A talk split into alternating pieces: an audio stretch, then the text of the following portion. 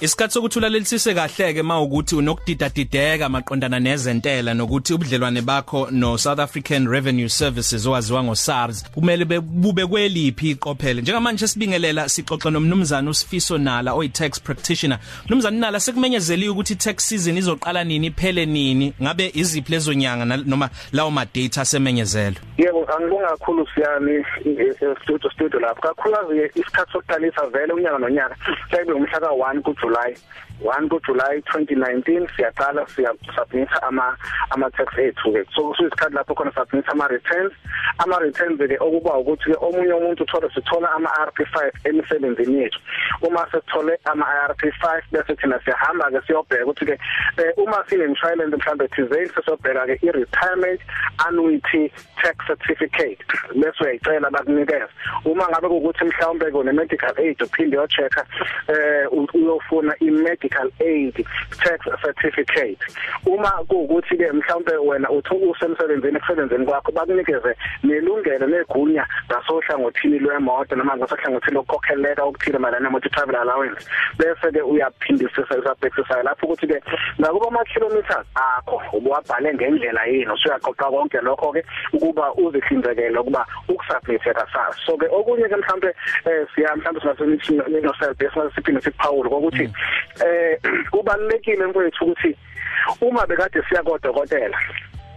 le lapha kodokotela asiqinisekise ukuthi uma be kube isikhathi sokuthi hamba uyothenga imithi yakho. Wakhipha ephaketheni lakho imali wayothenga imithi. Uyawagcina lawo ma receipt ukuze kuzothi uma bese uclaim noma usubmit so declare isibikho legama lo declare nawo bakuyetho claim abantu abaningi sokudeclare kakhulu.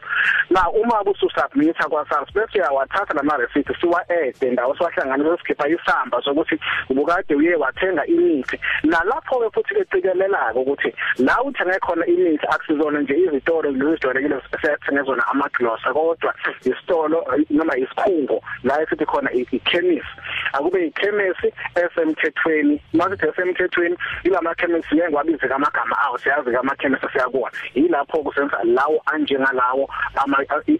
iziliphu zakhona ozibekayo bese submita uma sesigcwalisa ama tax returns ethu. So mina ke engijoyisa i tax return ngabe mhlambe umuntu ohola malini okumele ukuthi agcwalise ama tax returns akhe a declare njengoba kade usho kulo nyaka ke kuthe ukushintsha ngoba engathithi njengamanje esigabeni esingaphezulu ka 500000 sebethi uma ngabe ungekho lutho ozoluclaim then kuyi system sekuyakwazi ukuthi kuzenzakalele ukuthi izinto zakho zihambe ngendlela. So ingakho sibheka ukuthi ekutheni ke mhlawumbe selbi ukuze kube lula kumuntu mhlawumbe asibeke kanje ngoba sizoyisho imali bese yasala omunye yabona ukuze siqondisise ngithanda mina ukubeka ngale ndlela ethi ake sibheke ukuthi yiziphi izinto wena also senza legama lokuclaima ke manje uthi ufuna ukuyiclaima kwa SARS yabona bese ezizothuma ngabe kwenzeka ziclaim uthola ukuthi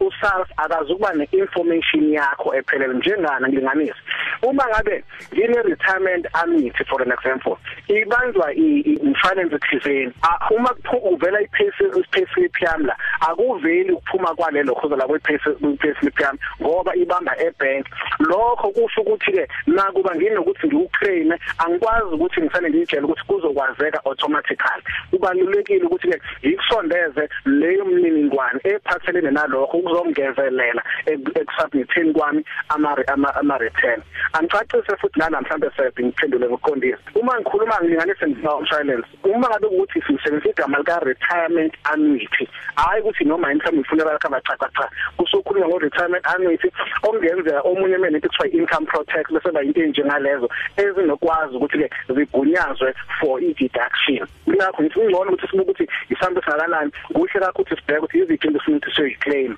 uma kuyi medical aid lokho khokhe eceleni nakho vela. Uthi ngabe sengikhokha okungaka eceleni ukuze kuzokwazi ukuthi ke ebese ke i-calculation noma isibalo sezentela sakho sibe yileso esisezingeni elikhombisa ukuthi impela ubulungiswa benzekile Nomzamo Sifiso nala sibonga kakhulu wasicacisela. Yebo siyabonga kakhulu 12 to 3 no Siya Selfie Yonze ku Cozi FM